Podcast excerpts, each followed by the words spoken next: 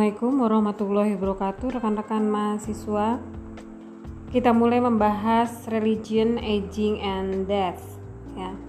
agama, proses menua dan kematian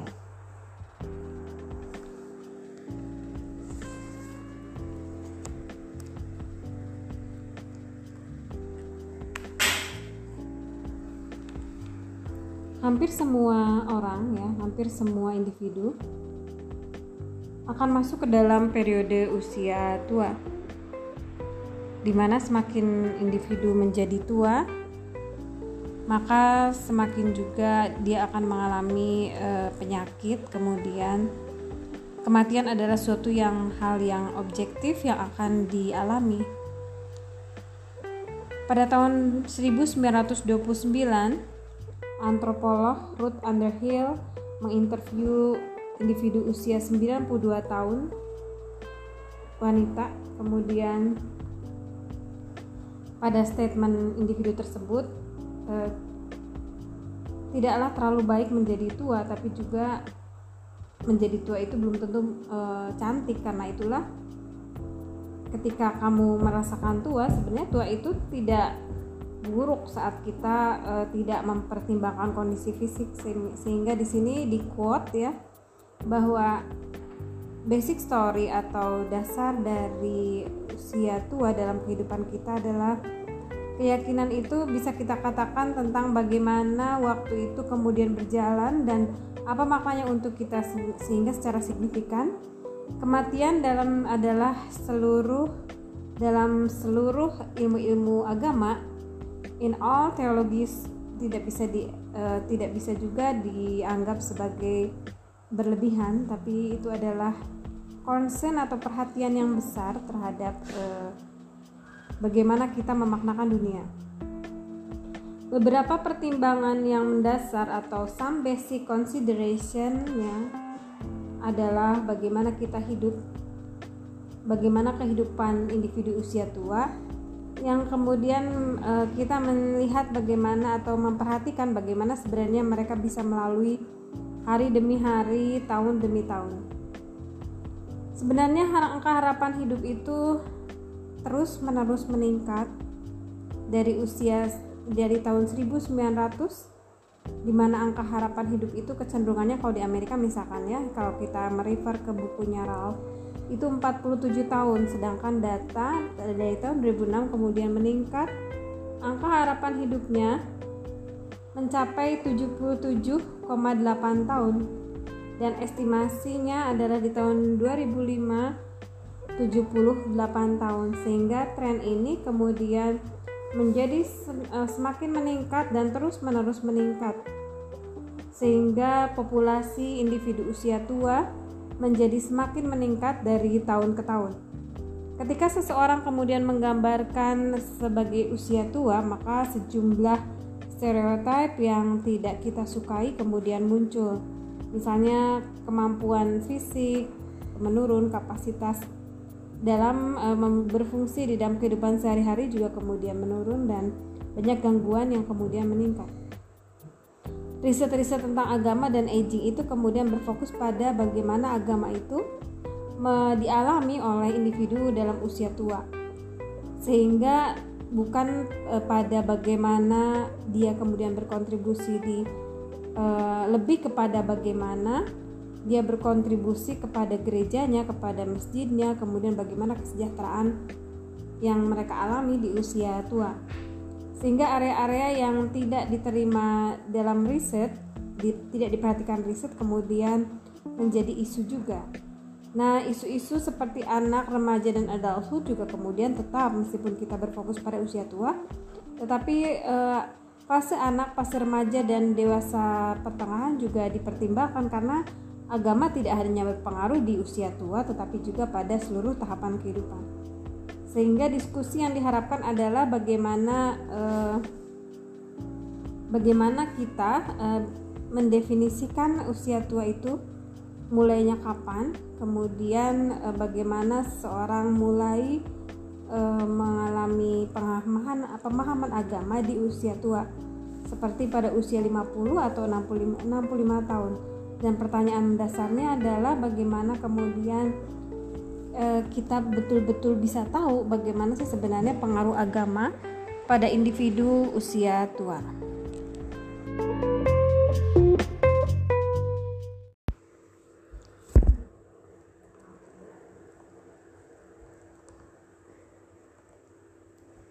Assalamualaikum warahmatullahi wabarakatuh. Selamat siang rekan-rekan mahasiswa. Kita mulai membahas keyakinan pada usia tua.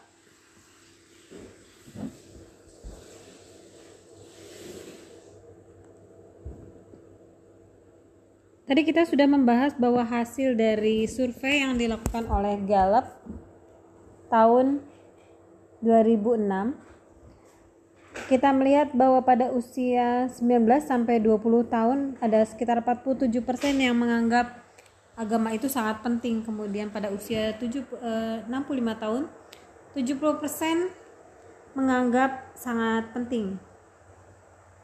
Nah, beberapa survei yang kemudian dilakukan adalah dihasilkan beberapa data di antaranya adalah 78 mengatakan bahwa dia e, termasuk dalam keanggotaan di gereja, tapi kemudian 73% e, menyatakan bahwa berdoa sekali dalam satu hari. Kemudian keyakinan bahwa Tuhan itu sangat penting keyakinan tentang adanya keajaiban, kemudian keyakinan bahwa adanya hidup sesudah mati, keyakinan tentang adanya setan begitu ya. Kemudian keyakinan tentang adanya surga dan keyakinan tentang neraka. My faith involves all my life. Nothing is as important to me as serving God, serving God the best I know how. My religious belief are what really he lie behind my whole approach to life. Kemudian my religious faith is the most important influence in my life. One should seek a God guidance when making every important decision. Jadi bergerak dari yang uh, ranah luar ya masih sufir uh, masih di permukaan ya superficial sampai ke bagian yang akhir yaitu Tuhan ikut dalam seluruh pilihan yang penting dalam kehidupan kita. Kita lanjutkan dengan bagaimana sebenarnya uh, kita memproses ya, memproses uh, pelayanan kita ataupun ritual-ritual yang kita lakukan. Rata-rata pada usia 65 sampai 75 ta 74 tahun hanya 48% sedang 75 sampai 50 uh, 75 tahun maaf sedangkan usia 75 itu lebih dari 54% jadi semakin bertambahnya usia semakin dalam pemahaman agama dan peran agama di dalam kehidupan. Kita lanjutkan the role. Kita lanjutkan dengan the role of religion in late life.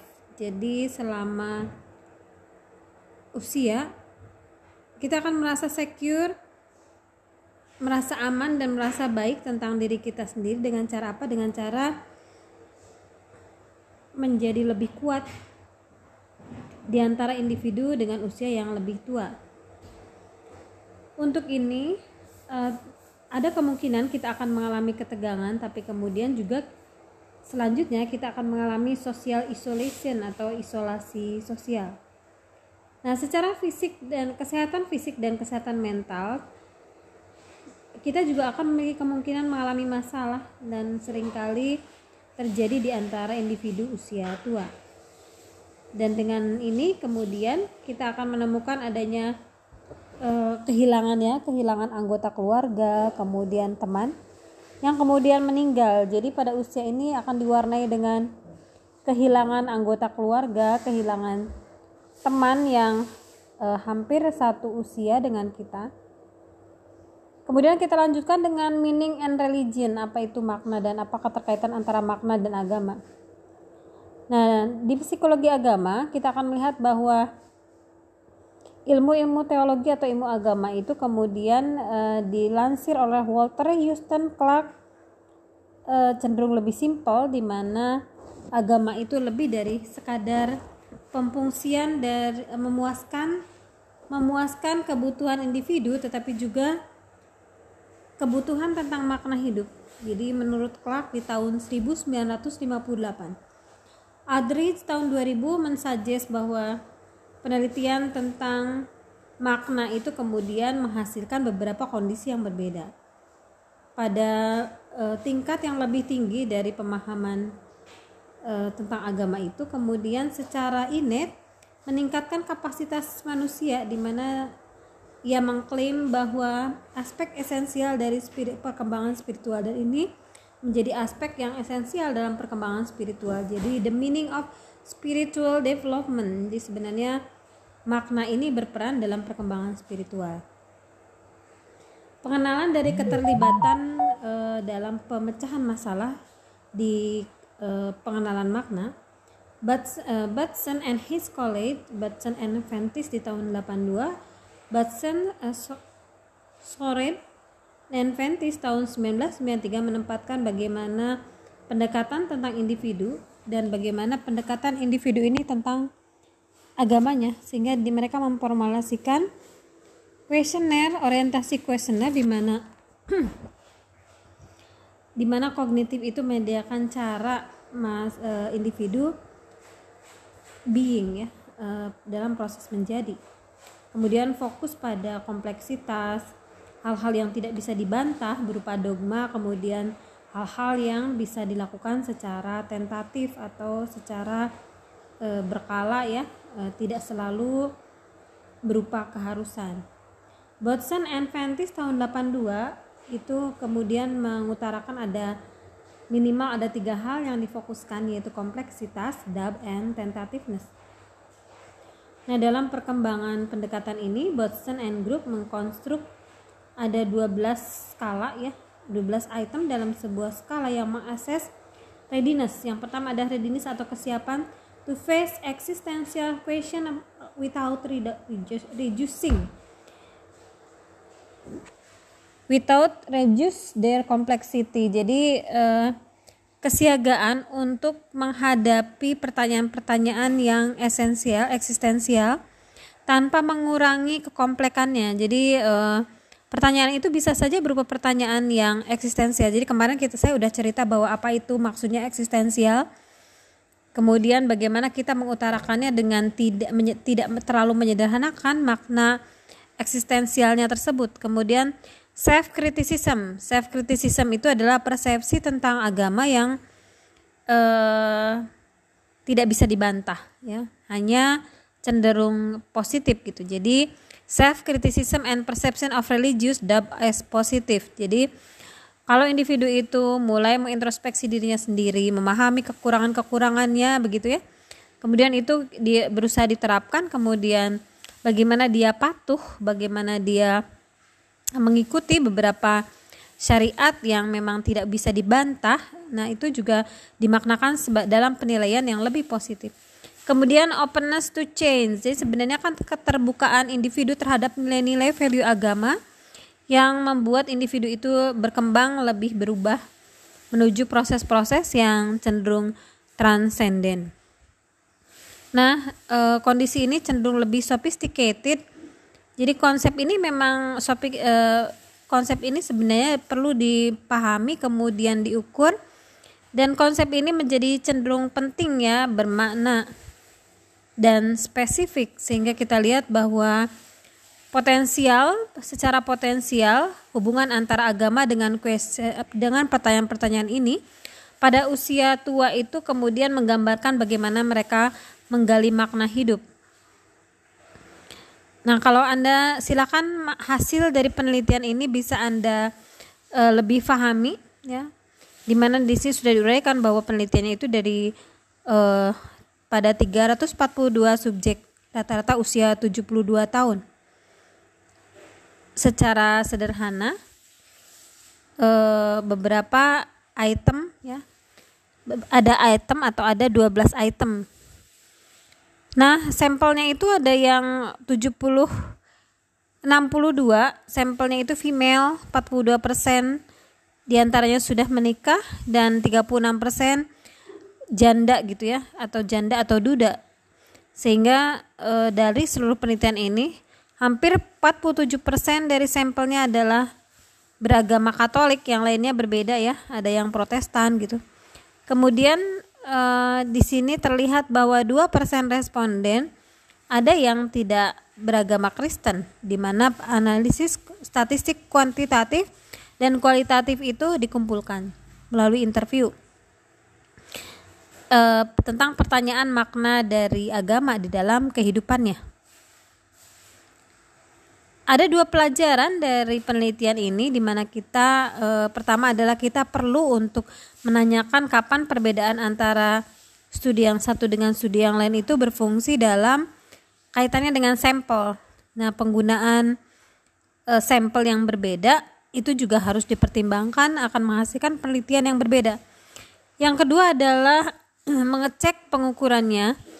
Apakah e, individu itu kemudian lebih cenderung menggunakannya atau berapa sering individu itu kemudian e, melakukannya? Itu lebih dipertimbangkan ya, lebih harus dipertimbangkan karena ini mungkin ada kesenjangan dari sampel yang perbedaan usianya cukup uh, signifikan begitu ya. Ternyata tidak di tidak di apa? Tidak terlalu mempertimbangkan perbedaan usia itu menjadi hal yang perlu dipertimbangkan. Jadi kesannya memang itu adalah uh, kelemahan dari penelitian. Makna religius kemudian didefinisikan sebagai menyediakan arah dan purpose ya, menyediakan arah dan fungsi atau peran dalam kehidupan dengan kata lain. Ada alasan bagaimana bereksistensi, kemudian hasil dari studi ini mengindikasikan bahwa older black person attend church more often and more frequently. Ternyata yang negro itu ya, yang black person itu ternyata lebih sering uh, datang ke gereja kemudian uh, memiliki higher level religious meaning, self esteem and optimism. Jadi ternyata uh, warga yang kulit hitam lebih bagus ya. Religious meaning was found to be more pertinent than church attendance to life satisfaction. Kalau ternyata kita banyak melakukan uh, ibadah gitu ya, itu akan lebih meningkatkan kepuasan hidup kemudian harga diri adalah ditemukan berkorelasi dengan makna hidup. Jadi banyak sekali hal yang positif dengan makna hidup ini ya. Ketika kita meng, menyertakannya atau mengkaitkannya dengan agama. Makna faith itu uh, sering kali tidak meyakinkan, kemudian membingungkan gitu ya. Kemudian juga hal-hal tertentu tidak bisa dibantah. Kemudian kita masuk ke dalam forgiveness forgiveness atau pemahaman itu menjadi topik yang penting ya dan cenderung diminati dalam psikologi agama sehingga topik ini juga berkaitan dengan aging atau proses menua. Peran forgiveness, kemudian keyakinan tentang forgiveness atau keyakinan tentang pengampunan yang dilakukan oleh Allah gitu. Dan full forgiveness of other itu uh, bagaimana kita memaafkan orang lain itu sangat dekat kaitannya dengan psikologi kesejahteraan. Sehingga forgiveness ini um, kita memaafkan kemudian kita dimaafkan oleh Allah itu sangat berkaitan dengan kesejahteraan. Sehingga individu yang gagal untuk memaafkan orang lain itu cenderung lebih memiliki gangguan-gangguan somatis seperti depresi ya kemudian uh, dibanding individu yang lebih mudah untuk memaafkan orang lain.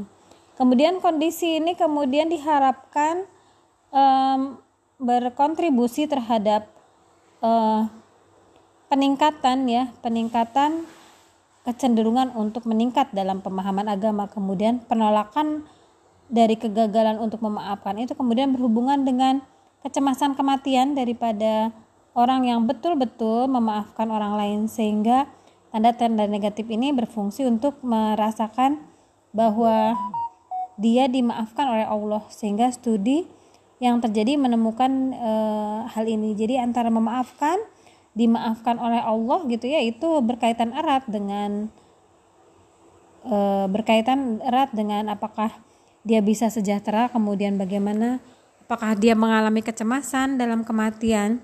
Itu ternyata berkaitan erat dengan konsep-konsep tersebut. Kita lanjutkan dengan prayer and aging. Uh, kita lanjutkan bahwa ternyata secara signifikan eh, kecenderungan agama itu kan beroperasi dengan lebih personal atau berkaitan dengan aktivitas spiritual daripada sekedar hanya berdoa. Jika e, pendoa itu kemudian melakukan active coping strategi, maka secara praktis dari 90% warga Amerika memperlihatkan bahwa presentasi individu usia 65 itu kemudian berdoa e, dari 91 sampai 95 persennya berdoa. Dan itu diklaim ya dalam sehari memang mereka melakukan proses berdoa itu. Kemudian eh, berusaha untuk berdoa itu sebenarnya meningkatkan sense of control. Jadi meningkatkan keyakinan bahwa dirinya bisa menyelesaikan masalah kemudian Halt and Heckhausen tahun 96 memberikan detail atau gambaran lifespan theory of control yang terhadap agama dan usia tua sehingga pemahaman ini bisa Anda lihat ya bagaimana caranya mengakses atau mengukur hubungan antara harapan dalam doa kemudian self esteem. Nah, bagaimana kaitannya dengan eh, agama dengan kesehatan fisik? Kita ikuti ya eh, setelah eh, jeda berikut ini.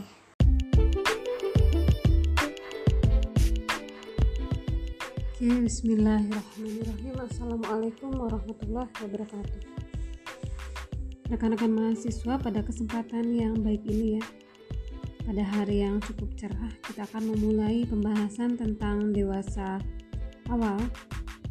Pada pembahasan lifespan development ada lima isu yang kemudian diangkat. Yang pertama, stabilitas dan perubahan dari masa anak menuju dewasa, kemudian uh, ketertarikan, cinta, dan hubungan dekat. Yang ketiga, adult lifestyle, jadi gaya hidup orang dewasa. Kemudian, marriage and the family, jadi pernikahan dan keluarga. Kemudian, gender relationship, jadi hubungan dengan uh, berdasarkan perbedaan gender ya. Hubungan berdasarkan perbedaan gender atau jenis Oke, kita mulai dengan stability and change atau stabilitas dan perubahan dari anak-anak menuju orang dewasa. Kita gambarkan ada perubahan dalam stabilitas dan perubahan dalam temperamen, kemudian disimpulkan sebenarnya bagaimana kelekatan gaya kelekatan pada orang dewasa. Selanjutnya adalah Komitmen adalah suatu isu yang penting dalam hubungan romantis di uh, beberapa individu di mana kita melihat seseorang akan men-share atau membagikan perspektif di antara kekuatan dan kelemahan hubungan yang kemudian mereka harapkan di masa depan. Biasanya uh, sebelumnya mereka akan merencanakan sebenarnya kita akan menuju hubungan yang serius atau tidak begitu ya di, sudah dimulai pada dewasa awal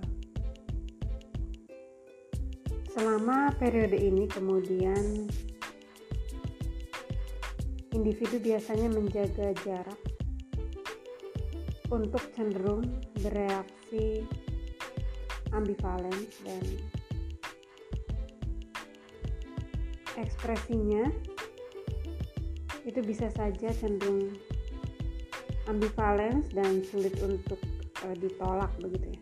Sehingga dia menggambarkannya sebagai emotional space to struggle with his dilemma. Jadi kecenderungan untuk bertahan terhadap dilema hubungan yang kemudian bisa mereka akhiri dengan sukses gitu. Berakhir dengan happy ending. Nah, clear statement uh, penjelasan yang lebih luas tentang apa-apa saja yang kemudian mengancam hubungan, kenapa mereka harus me mengapa mereka kemudian harus melanggengkannya gitu dalam suatu ikatan pernikahan itu biasanya terjadi pada masa-masa dewasa awal. Stability and change ini akan terlihat pada temperamen dan attachment. Jadi kita sudah tahu bahwa temperamen ini biasanya adalah karakteristik khas yang tersusun atas trait atau tersusun atas sifat-sifat yang berkelompok e, menggambarkan perilaku individu dan pemahaman tentang ekspresi emosi yang cenderung lebih stabil yang akan dipertahankan sepanjang usianya. Kemudian untuk orang dewasa, perkembangan sosio-emosional ini kemudian terlibat di dalam e, berintegrasi secara adaptif pada pengalaman emosi kita sehingga orang dewasa ini sudah mulai menikmati hubungan relationship dengan orang lain yang mungkin ini belum terbentuk saat individu masih remaja apalagi masa pubertas. Pubertas itu biasanya teman-temannya itu berada pada kisaran usia yang sama dengan jenis kelamin yang sama. Nah pada dewasa awal ini sebenarnya dia sudah mulai menikmati hubungan atau relationship ya apalagi yang lebih serius. Nah, riset-riset memperlihatkan bahwa pada permulaan awal 20 tahun, usia 20 tahun, sesuatu yang kurang bermakna ya untuk memprediksi kondisi sosioemosional dewasa itu sebenarnya menjadi alasan untuk meyakini bahwa pengalaman di awal dewasa awal itu sangat penting untuk menentukan apakah individu ini lebih cenderung bisa dikategorikan ke dalam dewasa atau masih remaja. Nah, penemuan yang sering terjadi adalah ada interval waktu yang kemudian singkat di mana kita bisa melakukan pengukuran karakteristik sosio-emosional. Semakin sama individu terlihat, eh, maka ini akan memperlihatkan perkembangan psikologis pada tahap berikutnya. Sehingga apabila kita mengukurnya dengan self concept, maka di usia 20 ini sampai usia 30 cenderung lebih stabil. Kaitannya dengan temperamen, temperamen ini sangat berhubungan dengan uh, personality atau kepribadian di mana temperamen ini adalah dikategorikan sebagai uh, pada dewasa ini dikategorikan yang sulit atau yang mudah ya. sehingga uh, Kagan mengatakan bahwa ini dikatakan oleh Kagan ya kaitannya dengan self regulation jadi memang pada dewasa awal ini kan dikatakan tadi cenderung sulit dibantah ya stabil dan sulit dibantah karena bergerak menuju ke stabilitasan sehingga kita akan menemukan tipe orang-orang yang sulit dan tipe-tipe orang yang mudah saat uh, kita berrelasi interpersonal. Style dan karakteristik emosi respon emosi ini pada awal dewasa awal kemudian terlihat uh, mood swingnya sudah lebih sedikit dibanding remaja dan kemudian menjadi lebih bertanggung jawab. Uh, ini menyebabkan dia tidak terlalu suka gitu ya mengambil resiko dalam perilakunya. Jadi kalau sudah mulai dewasa kan kita akan pikir-pikir ya. Kalau saya akan memilih pekerjaan X itu negatifnya apa positifnya apa? E, bisakah saya sebenarnya ini adalah e, model berpikir yang sudah dimiliki sejak remaja. Jika saya begini maka saya bagaimana gitu itu sudah ada di sejak remaja kemudian berkembang pesat di usia dewasa awal. Misalnya sanggupkah saya menikah misalnya ya dengan uh, seorang angkat TNI gitu ya di mana saya harus berpindah-pindah tempat terus meninggalkan keluarga itu menjadi salah satu aspek yang dipertimbangkan saat kita menjalin hubungan yang serius misalnya. Sehingga di sini cenderung lebih responsible jadi bertanggung jawab pada pilihannya kemudian apa yang terjadi ke depannya nah aspek temperamen ini berbeda dengan anak-anak di mana kalau anak-anak kita menghubungkannya dengan uh, penguasaan self help ya uh, bagaimana keahlian-keahlian dalam mendukung kompetensi dalam mengarungi kehidupan berupa kegiatan-kegiatan sehari-hari.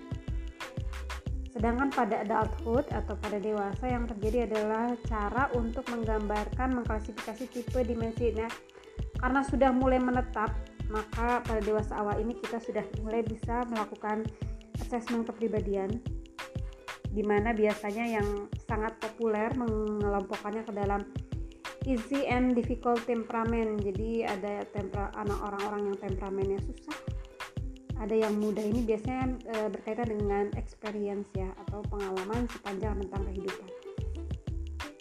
Saya contohkan misalnya eh, anak-anak e, yang bergerak atau berkembang pada temperamen yang sulit, misalnya sulit diatur, e, mudah berubah, kondisi emosionalnya tidak stabil, itu kemudian e, mengembangkan temperamen yang sulit atau temperamen individu. Jadi maksud dari sulit itu pertama adalah uh, sulit dalam uh, perkembangan kepribadian kaitannya dengan adjustment atau penyesuaian diri. Yang kedua adalah sulit saat melakukan penyesuaian diri secara interpersonal. Misalnya kita akan menemukan individu-individu yang telat menikah karena memang difficult person. Yang difficult person itu biasanya ya dia akan sulit untuk berinterdependen karena dia sangat yakin e, memegang kuat keyakinannya dan akan sangat sulit menerima perbedaan misalnya. Kita akan melihat kelompok individu yang perfeksionis berasal dari keluarga e, misalnya cenderung e, aristokrat ataupun cenderung konservatif misalnya memegang budaya Jawa dan dia merasa dirinya adalah e, apa namanya memegang budaya Jawa tidak Jawa saja sih ya um, misalnya dia berada pada terah gitu ya pada terah yang ningrat ataupun cenderung uh, primordial gitu ya uh, feodal begitu ya. Kemudian dia masuk ke lingkungan pertemanan uh, dalam hubungan sosial. Kita akan melihat mungkin dia akan sulit untuk kita pengaruhi sulit untuk uh, relasi interpersonalnya lebih banyak uh, introvert menggunakan nilai-nilai pribadinya untuk menilai orang lain. Nah, kecenderungan ini bisa saja berpengaruh terhadap pemilihan pasangan hidup. Ternyata misalkan subjek ini memiliki ayah yang kaku gitu ya. Misalkan memiliki ayah yang kaku, kemudian ayah yang kaku ini membuat representasi pasangan hidup saya itu kecenderungannya saya tidak suka yang seperti ini sehingga dia sangat selektif sulit untuk mencari pasangan hidup. Sehingga terlambat menikah misalkan di usia 40 ini teman-teman saya banyak yang seperti itu ya terutama di Jawa. E, biasanya e, para rekan-rekan pria menggambarkannya misalnya ya sebagai wanita yang sulit gitu ya dengan kecenderungan perfeksionis yang tinggi sehingga para pria angkat tangan gitu kalau harus beradaptasi dengannya misalnya uh, itu akan sangat berbeda dengan misalkan wanita yang berkembang pada uh, keluarga yang demokratis kemudian misalnya mungkin saja dia berada di keluarga yang sama-sama feodal tapi keluarganya tidak terlalu memegang erat nilai-nilai feodalisme itu misalnya sehingga tidak terlalu mengkarakteristikan dirinya sebagai uh, sosok ningrat atau bagaimana gitu sehingga dia tidak menjadi karakter yang sulit. Karena tidak semua ningrat karakternya sulit karena bisa saja kalau anak ini ternyata memiliki kepribadian yang kaku ya keras kaku begitu ya eh, sulit menerima pendapat dari orang lain. Yang terjadi saat dia keluar dari keluarganya dia akan membawa nilai-nilai tersebut. Jadi uh, kita sering kalau pertemanan saya sering mengatakannya sebagai priayi begitu ya. Uh, itu sangat banyak sekali uh, wanita-wanita priayi yang kalau teman-teman saya ya yang terlambat menikah gitu dengan tipe karakteristik kalau digambarkan di uh, santrok ini sebagai uh, temperamen yang sulit kemudian inhibition. Kalau inhibition ini adalah individuals who had an inhibited temperament. Jadi ada juga saking tanggung jawabnya saking karena berkembang regulasi emosi yang sangat uh, kuat pada individu dewasa awal ini. Sehingga terbentuklah inhibited temperament di mana inhibited temperament ini berbeda dengan anak ya. uh, dia cenderung lebih asertif uh, untuk atau bisa menerima sosial support tapi cenderung delay. Jadi cenderung terlambat untuk masuk ke dunia kerja dengan uh, track yang stabil. Jadi kutu loncat ya. Misalnya satu tahun bekerja di A kemudian pindah ke B pindah ke C pindah ke D. Ini biasanya dalam penelitian-penelitian studi longitudinal yang berjangka waktu yang lama 15% dari inhibited boys and girls ya di usia 46 itu kemudian e, mengalami keterlambatan dalam uh, memiliki hubungan yang stabil. Jadi Anda lihat bahwa kayak Anda pahami bahwa beberapa inhibition keterhambatan dalam emosi ini berefek pada dewasa awal. Uh, ini salah satu karakteristik selain uh, temperamen yang susah tadi ya, temperamen yang sulit. Kemudian ability to control one's emotion. Jadi kadang-kadang juga pada studi-studi longitudinal yang panjang ketika individu berusia 3 tahun kita melihat good control of their emotion jadi eh, sebenarnya dia berusaha dengan sangat baik untuk mengontrol emosinya kemudian menjadi resilient jadi tahan banting ya dia dalam kondisi apa pun mampu menghadapi permasalahannya dengan matang misalnya kemudian dia bisa menghadapi stres-stresnya kemudian akhirnya bisa menghandle perasaannya dengan efektif. Perbedaannya dengan anak usia 3 tahun yang low emotional control. Mereka ya tidak tahu resilient. Kalau resilient itu kalau uh, psikologi populer gitu ya menggambarkannya sebagai bola bekel ya. Bola bekel itu jadi jangan Anda bayangkan bahwa kepribadian individu itu seperti uh, pot keramik yang mudah pecah. Pada dasarnya sebenarnya kepribadian manusia itu cenderung plastis. Jadi dia bisa menyesuaikan dengan dengan berbagai situasi dan kondisi dan itu perlu dilatih. Dengan kesulitan-kesulitan kecil misalnya. Nah, ini yang disebut sebagai resiliensi. Jadi kalau bola bekel itu dia dipantul ke dinding, dipantul ke batu, ya mantul saja gitu tidak pecah. Eh, sehingga dia akan memantul pada bidang-bidang dan dia tidak tidak mengalami kesulitan untuk beradaptasi.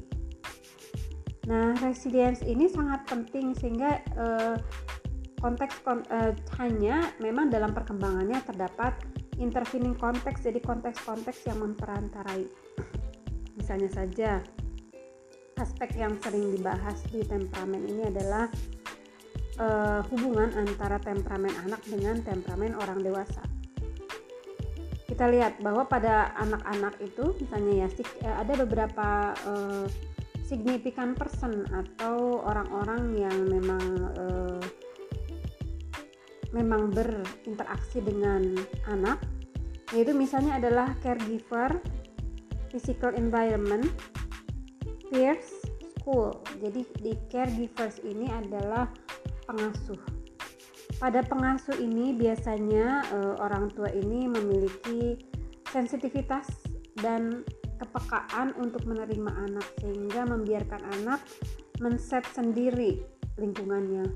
Dia nyamannya bagaimana? Ini biasanya e, nah berbeda dengan caregiver atau pengasuh yang menggunakan kontrol yang low level control dan attempt to force the child into new situation jadi situasinya tuh kurang terstruktur gitu ya sehingga uh, membuat anak harus selalu berusaha beradaptasi pada perubahan situasi nah anak yang kedua eh anak yang pertama ini juga misalnya lingkungan uh, fisiknya itu ada defensible space di mana anak uh, dapat terancam ketika terlalu banyak stimulasi. Jadi menyediakan tempat-tempat yang sebenarnya aman dan nyaman. Fierce-nya teman-temannya itu inhibited children dengan interest so this is accepted jadi karena tidak terlalu ekspresif mudah mengelola teman-temannya maka e, merasa diterima saja gitu. Nah sekolahnya itu undermine misalnya so inhibited children are more likely to be tolerate and feel they can make a contribution. Jadi sebenarnya lingkungan yang inhibisi ini bisa positif bisa negatif. Kalau kita bicara lingkungan kalau bicara emosi anaknya ya tidak ya. Bisa saja ini membuat anak menjadi mudah berkontribusi pada sekolahnya. Sedangkan pada anak yang B misalkan karena terlalu terbuka, terus ekstrovert, anaknya jadi rejected. Ternyata ditolak.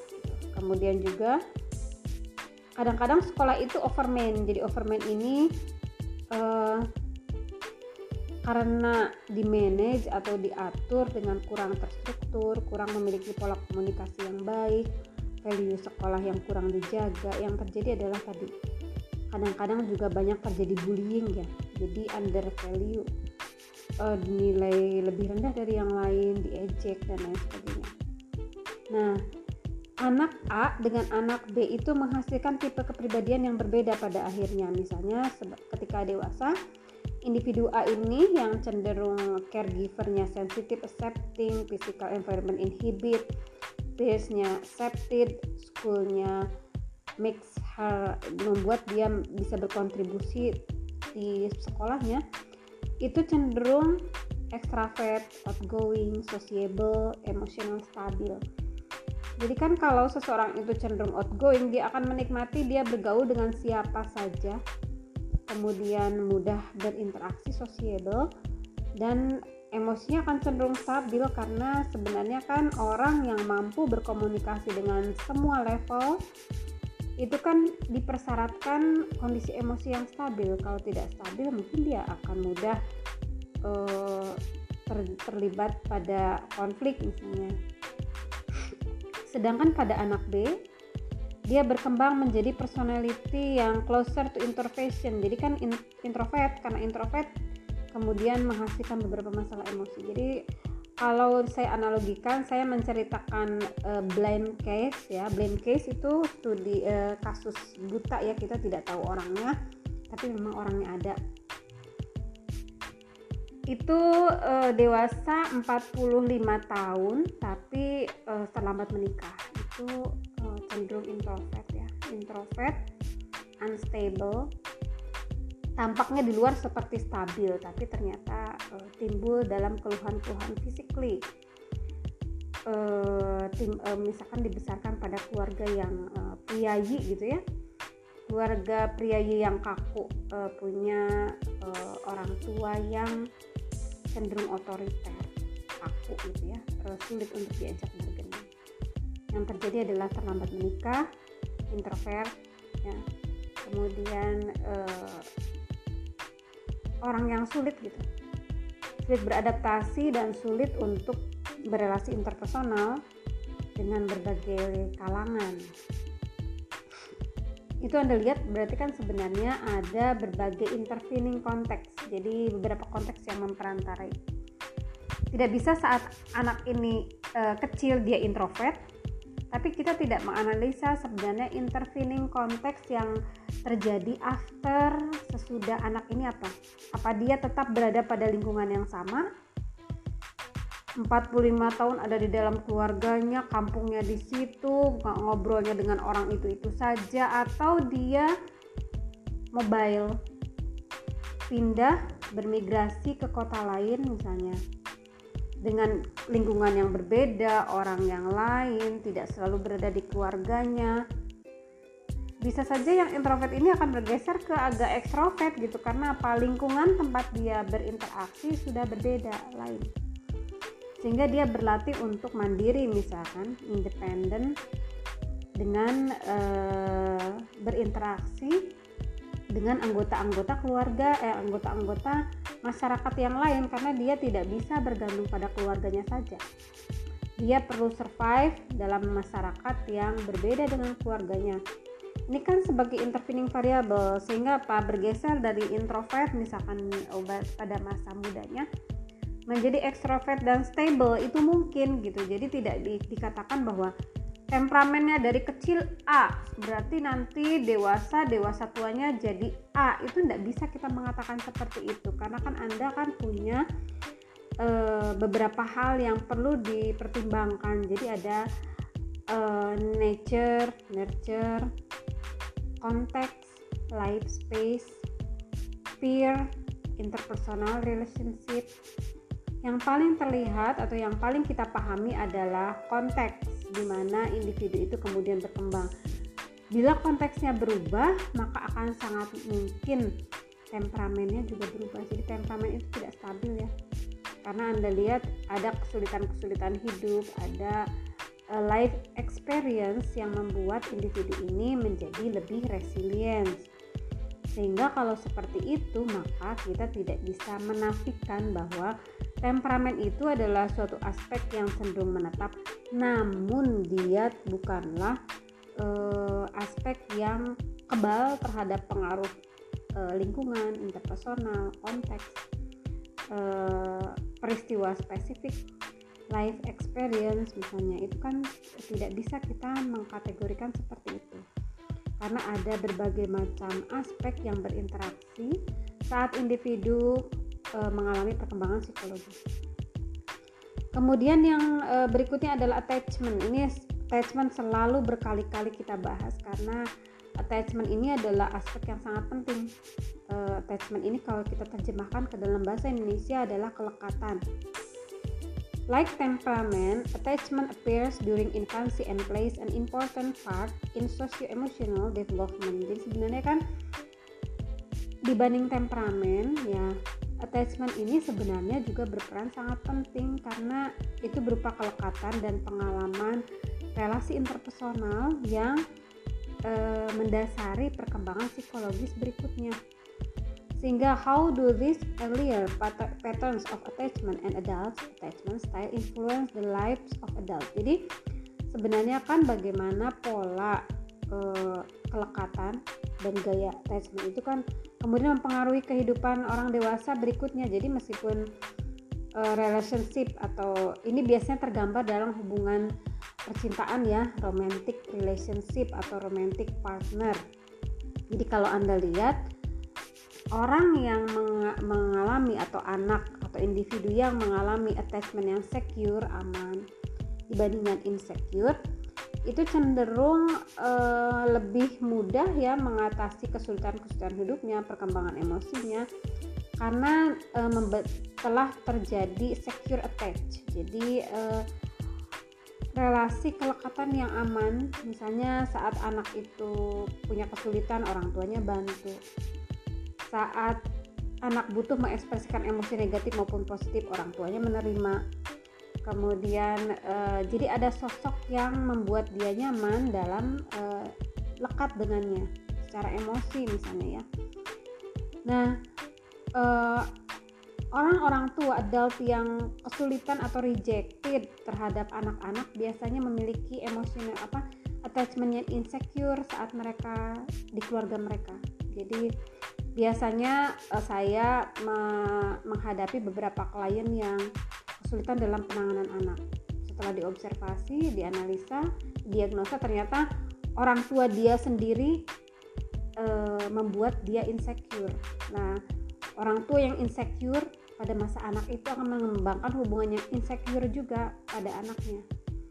Jadi itu seperti dosa turunan, padahal tidak ada dosa turunan ya, tapi pola hubungan yang dibentuk oleh orang tua saat mereka dibesarkan oleh orang tuanya itu kemudian mempengaruhi relasi attachment yang mereka bentuk dengan anaknya. Jadi kalau dia di reject oleh orang tuanya, dia diperlakukan dingin oleh orang tuanya, maka itu akan tergambar gitu. Beda dengan orang tua yang unconditional love. Kalau saya pribadi, saya memandang orang tua saya unconditional love. Jadi kalau mencintai itu tanpa syarat. Jadi tidak ada syarat gitu. Untuk memperoleh cinta seseorang itu tidak ada syarat, tidak bersyarat. Misalnya kamu akan mamah sayangi atau orang tua sayangi kalau kamu melakukan perbuatan baik itu tidak ada. Kemudian juga eh, pada saat kamu sukses itu anak saya, kalau tidak sukses itu bukan anak saya, itu juga tidak ada gitu. Jadi uh, kalau saya pribadi yang mengalaminya unconditional love saya merasa orang tua saya mencintai saya tanpa syarat. Karena apa? Saya merasa nyaman bersama mereka gitu ya. Tidak ada perspektif bahwa orang tua itu menekan orang tua itu sosok penerap aturan orang tua itu hampir tidak uh, hampir tidak ada persepsi seperti itu gitu ya. Uh, bahkan anak yang paling apa yang paling nelongso gitu ya anak yang dalam kondisi yang paling buruk itu yang paling mereka sayangi gitu. Karena anak-anak uh, itulah yang butuh support. Jadi anak-anak itu yang butuh dukungan. Sehingga itu akan berbeda gitu. Itu mungkin akan tergambar juga dalam relasi saya dengan anak saya gitu. Itu jadi uh, pola pola per, secure attachment yang diterima oleh kita saat kita anak-anak dengan orang tua kita itu akan tergambar saat kita memperlakukan anak kita. Sehingga attachment ini e, mendasari hampir seluruh aspek perkembangan psikologis sehingga teori attachment ini sering kali kalau di psikologi perkembangan itu e, cikal bakal dari semua pembahasan gangguan psikologis dan cikal bakal dari uh, pembahasan semua adaptasi proses adaptasi yang sukses pada uh, dewasa. Apa itu secure attachment style? Secure attachment style itu adalah style atau gaya attachment di mana digambarkan dewa, orang dewasa ini punya pandangan yang positif tentang apa tentang hubungan. Jadi kalau berhubungan dengan orang yang dibayangkan adalah uh, kondisi yang nyaman, kondisi yang membahagiakan, kondisi yang menggembirakan. Sehingga dia akan sangat mudah untuk menemukan orang yang dekat dengannya. Kemudian uh, tidak terlalu concern tentang uh, not overly concern or stress out about their romantic relationship sebenarnya kan dia tidak akan terlalu merasa tertekan dengan hubungan uh, romantisnya karena apa basic hubungan romantisnya ini sudah dibentuk sejak uh, dia mengalami secure attachment di keluarga gitu.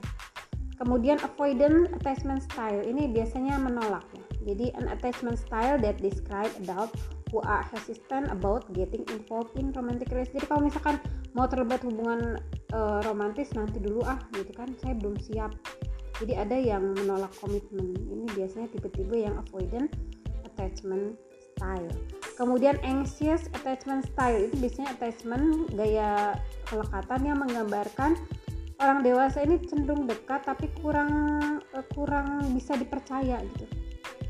And more emotional, jealous and possessive. Jadi kalau kita punya suami misalnya, suaminya ini terlalu uh, apa kurang mempercayai kita, uh, selalu curigaan, cemburuan, posesif ini biasanya mungkin di awal-awal masa dia uh, muda di keluarganya cenderung mengembangkan attachment style yang pencemas. Jadi uh, jangan-jangan suami saya tidak mencintai saya. Jangan-jangan begitu. Karena apa? Karena dia biasanya terlibat dalam hubungan dengan orang tua dalam kondisi yang tidak struktur. Hari ini aku melakukan hal yang baik aku dihukum. Hari besok aku melakukan hal yang baik tidak diapa-apakan.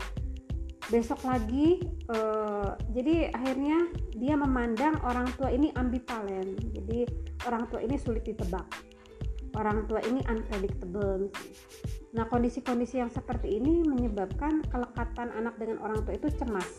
Jangan-jangan hari ini aku dimarahin. Jangan-jangan besok aku diapain gitu ya. Sehingga yang terjadi adalah attachment style atau gaya kelekatan yang dia bentuk dengan partnernya pun akan seperti itu. Jadi amat sangat biasa kalau terjadi episode kawin cerai gitu ya pada attachment style anxious ini. Jadi kadang-kadang uh, apa dewasa ini sangat posesif, posesif terhadap istrinya. Istrinya tidak boleh gaul dengan orang lain atau bagaimana gitu ya karena dia takut kehilangan. Ini juga anxious attachment. Nah, recent study ada penelitian-penelitian berikutnya adalah menjelaskan link atau keterkaitan antara serotonin transport. Jadi sebenarnya ada eh, aspek-aspek uh, biologis yang berpengaruh juga.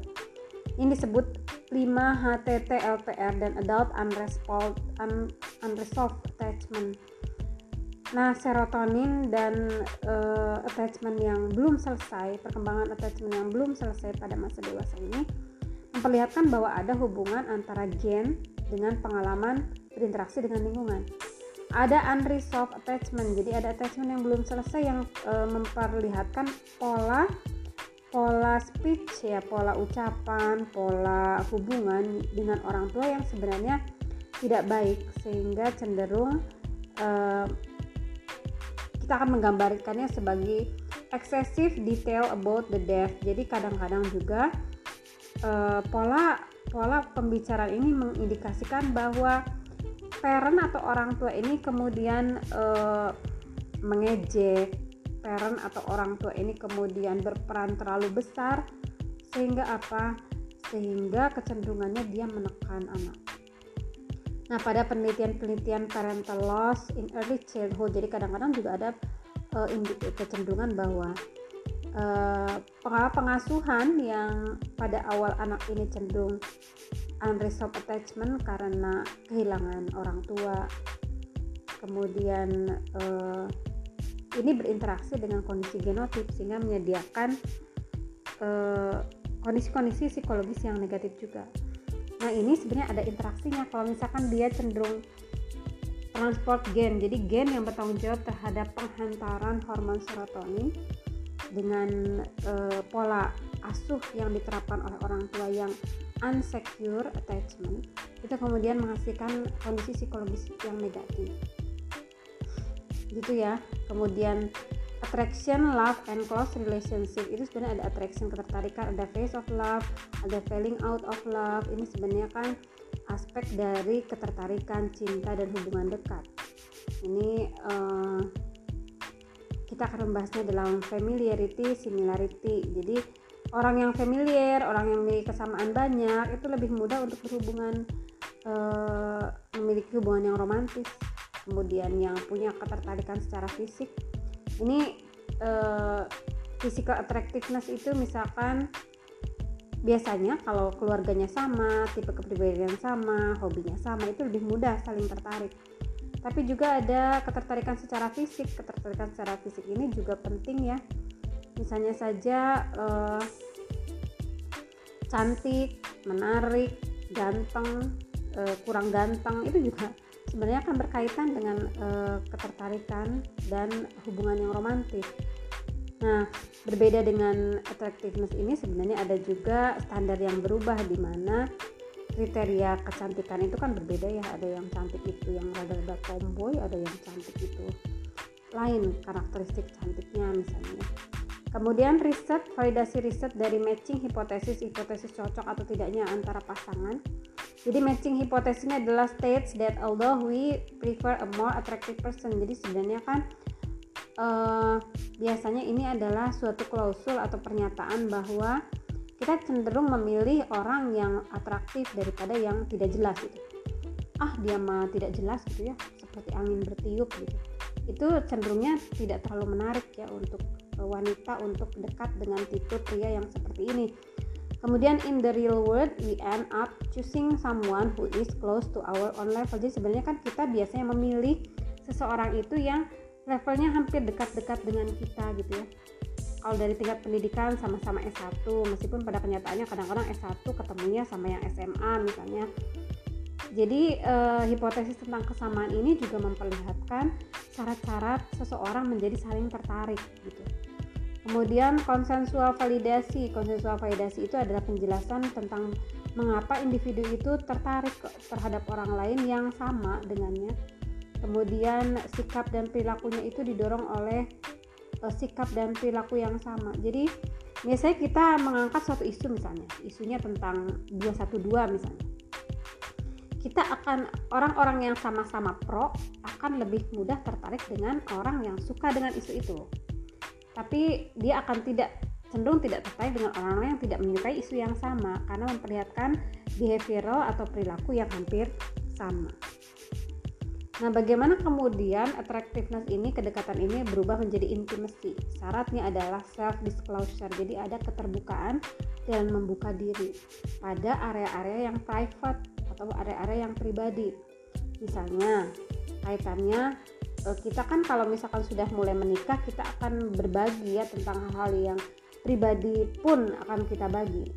Misalnya uh, development and identity and establishing their independence from their parents juggling the conflicting demand of intimacy identity and independence jadi sebenarnya kan ada area intimasi ada area identitas dan ada independen jadi anda bayangkan bahwa isu-isu tentang pencapaian identitas itu tidak akan lepas dari intimasi nantinya efeknya. Isu-isu tentang intimasi akan tidak bisa lepas dari independen dan interdependen. Jadi kan ini suatu perkembangan yang gradual. Jadi sangat mudah kita simpulkan bahwa individu yang bermasalah pada identitas maka dia akan kesulitan juga dalam membentuk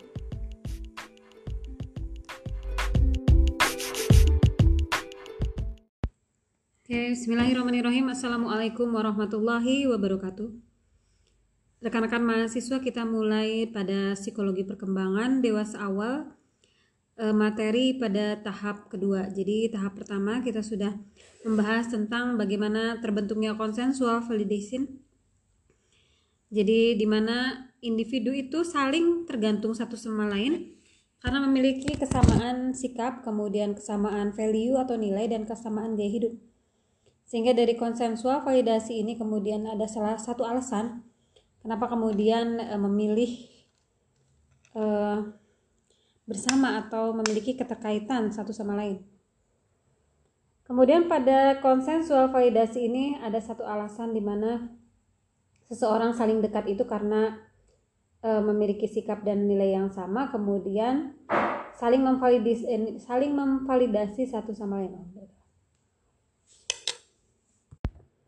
Bismillahirrahmanirrahim. Assalamualaikum warahmatullahi wabarakatuh.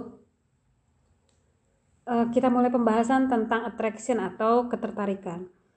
Ketertarikan ini uh, kita sudah membahas pada tahap pertama tentang uh, validity konsensual. Kita bahas yang kedua, faktor yang kedua yaitu familiarity and similarity.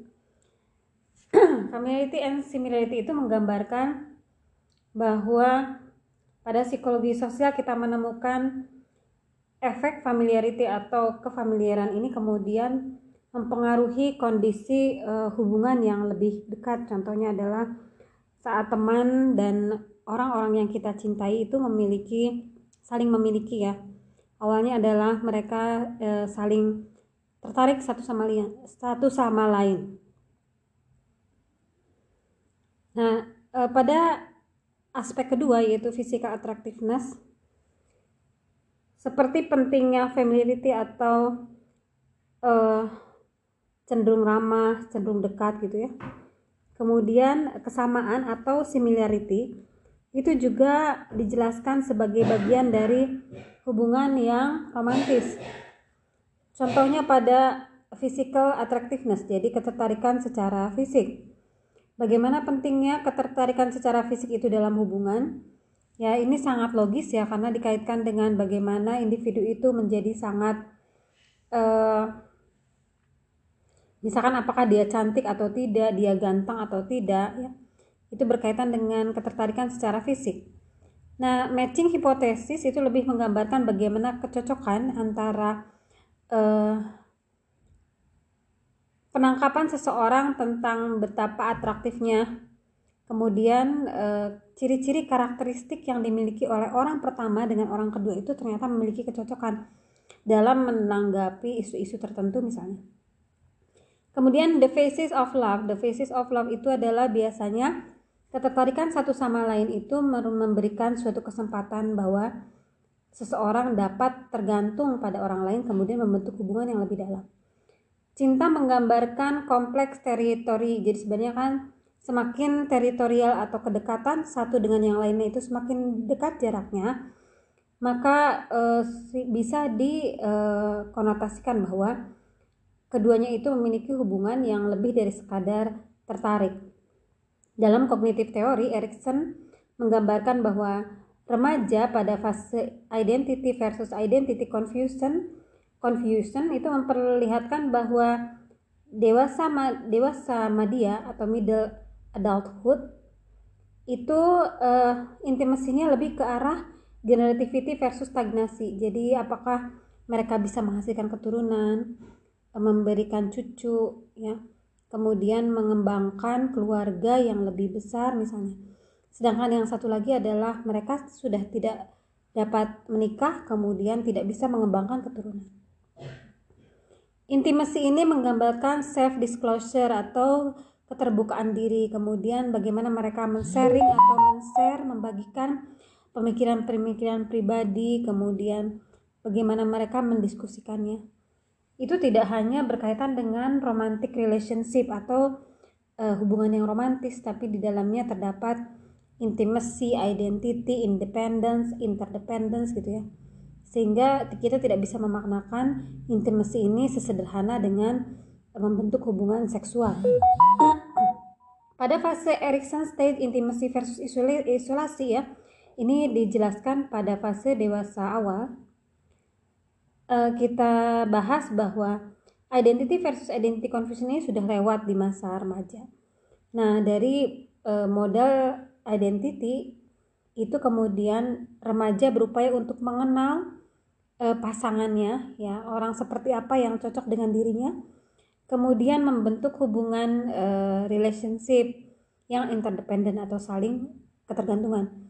Di mana interdependence ini sebenarnya adalah menggambarkan bagaimana seseorang mengenali dirinya sendiri kemudian mengenali orang lain kemudian terbentuklah hubungan yang uh, bukan men-take over misalkan atau bukan saling mempengaruhi yang satu mempengaruhi yang lain tapi interdependence atau saling ketergantungan. Nah, ketidakmampuan untuk mengembangkan hubungan yang bermakna dengan orang lain itu bisa mengancam kepribadian individu. Jadi misalkan kita ternyata sulit berhubungan dengan orang, kemudian sulit membentuk hubungan yang dekat dengan orang misalnya itu bisa saja mengancam kepribadiannya karena mungkin dia merasa diignore, ditolak. Dia mungkin merasa di reject ya, diignore, di reject, di attack atau diserang sehingga menimbulkan perasaan frustrasi. Maka eh, apabila terjadi isolasi itu sebabnya bisa dua ya. Pertama, tidak bisa membentuk hubungan yang menyenangkan. Yang kedua adalah memang fase isolasi ini individu sulit menemukan individu lain yang tepat. Misalnya saya contohkan, dia bekerja eh, 24 jam pada posisi administrasi di mana dia bekerja dengan paper and pencil, laptop gitu ya dan hanya waktu, sedikit waktu untuk istirahat. Kemudian eh, jarang bertemu dengan orang ya. Ada pekerjaan-pekerjaan yang sebenarnya tidak selalu mereka bertemu orang. Akhirnya apa? Waktu habis untuk bekerja ya, kesempatan untuk membentuk hubungan relationship menjadi berkurang. Akibatnya bisa saja orang itu perlahan-lahan menjadi terisolasi, baru sadar setelah pekerjaannya selesai misalnya. Setelah misalkan pensiun begitu. Nah, intimacy and independence ini kaitannya dengan uh, adulthood atau dewasa ini kemudian biasanya terlibat pada bagaimana menjaga hubungan intim dan komitmen itu menjadi satu kondisi yang balance atau satu kondisi yang seimbang. Di mana pada kondisi yang balance ini biasanya uh, ada intimasi tapi ada komitmen. Jadi misalkan ada juga kan hubungan uh, pertemanan atau hubungan antar pasangan yang apabila ditanya komitmen dia tidak siap-siap gitu ya. Sehingga antara intimasi dan independen itu pada dewasa awal merupakan dua hal yang tidak bisa dipisahkan. Satu hal intimasi itu menuntut adanya komitmen di lain pihak. Kemudian independen dan kebebasan itu juga menuntut adanya interdependen. Jadi saling ketergantungan. Anda bayangkan kalau misalkan dua orang sudah berpasangan ya hampir menikah tapi kemudian yang satu memutuskan untuk kuliah di luar negeri sehingga mereka tidak bisa bertemu lama LDR gitu. Biasanya dituntut komitmen agar apa? Agar hubungannya itu bisa langgang gitu kan sehingga menikah dulu sebelum keluar negeri misalnya. Itu salah satu contoh dari bagaimana sebenarnya intimasi independen dan interdependen itu sebenarnya saling pengaruh mempengaruhi. Kemudian friendship, friendship ini kan e, kaitannya dengan persahabatan meningkat dan menempati peran yang sangat penting dalam perkembangan di lifespan di mana pada usia dewasa awal ini biasanya uh, orang dewasa atau adult itu membawa kesempatan untuk membentuk persahabatan sebagai individu. Pindah dari satu lokasi ke lokasi lain punya tetangga lagi. Pindah lagi ke lokasi lain punya teman lagi. Sehingga friendship atau persahabat ini persahabatan ini juga merupakan hal yang penting. Nah, bagaimana kemudian perbedaan gender atau jenis kelamin pada persahabatan? Nah, pada anak dan remaja ada beberapa perbedaan gender di antaranya adalah adult friend dalam adult friendship. Contohnya ketika wanita lebih dekat dengan uh, temannya daripada uh, temannya dan prinsip uh, persahabatan itu kemudian uh, melibatkan menjadi semakin dalam maka semakin terjadi pertukaran uh, keterbukaan uh, membuka konsep dirinya membuka kepribadiannya self disclosure semakin dekat maka semakin terbuka juga celah-celah kepribadian masing-masing kemudian saling bertukar uh, dukungan yang dibutuhkan. Berbeda dengan woman and man ya. Kalau persahabatan itu tercipta antara laki-laki dan perempuan maka cross gender friendship ini lebih sering uh, dimulai sejak elementary school. Tapi juga biasanya kan awalnya dari same dari uh, jenis kelamin yang sama tapi kemudian pada dewasa ini menjadi masalah karena apa berbagi informasi yang sama, berbagi perasaan yang sama, berbagi minat yang sama, dan karakteristik yang sama ini biasanya eh, kaitannya adalah dengan karakteristik eh, sesuai dengan gender. Nah, kalau sama kan jadi tidak nyaman begitu ya.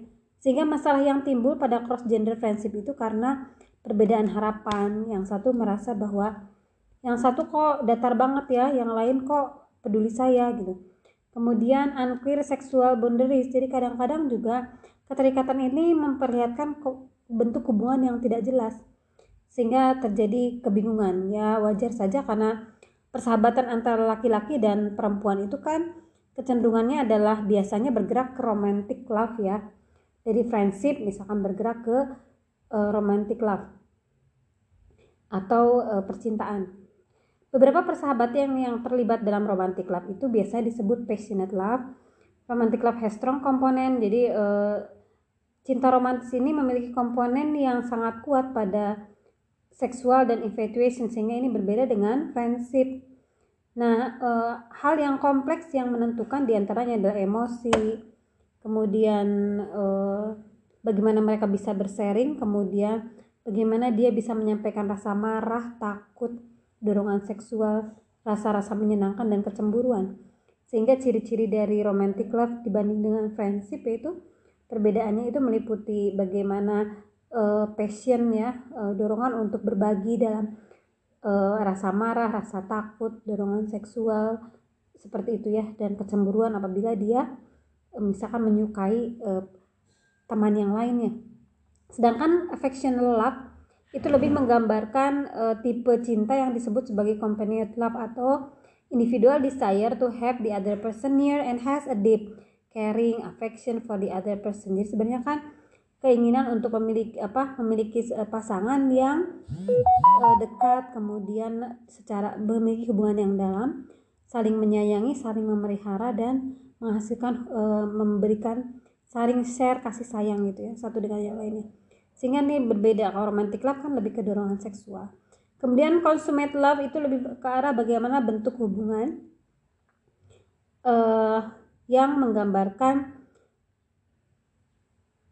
uh, triatic teori. Jadi ada triangle ya.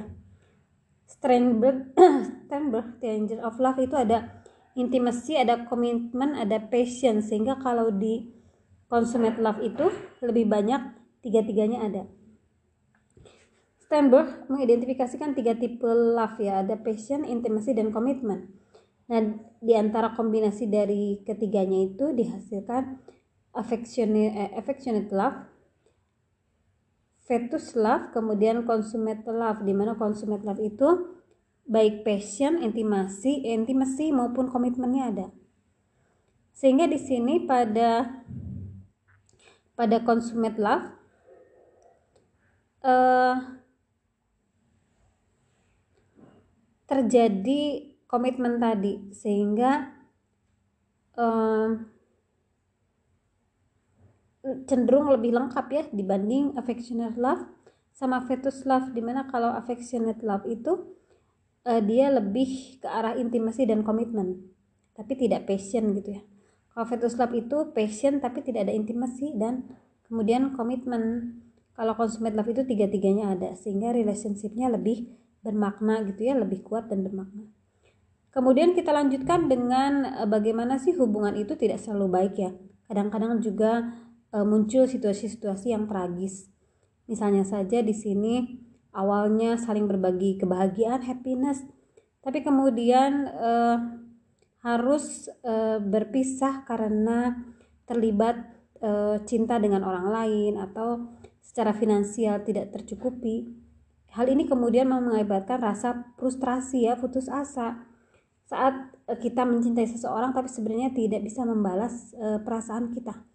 Sehingga ini yang disebut falling out of love. Jadi tadinya falling in ini falling out. Jadi berpisah Contoh perubahannya itu bisa terjadi karena beberapa sebab. Yang pertama adalah person positif, relational positif, environment positif. Jadi apabila kayak gini ya, itu uh, falling out of love ya.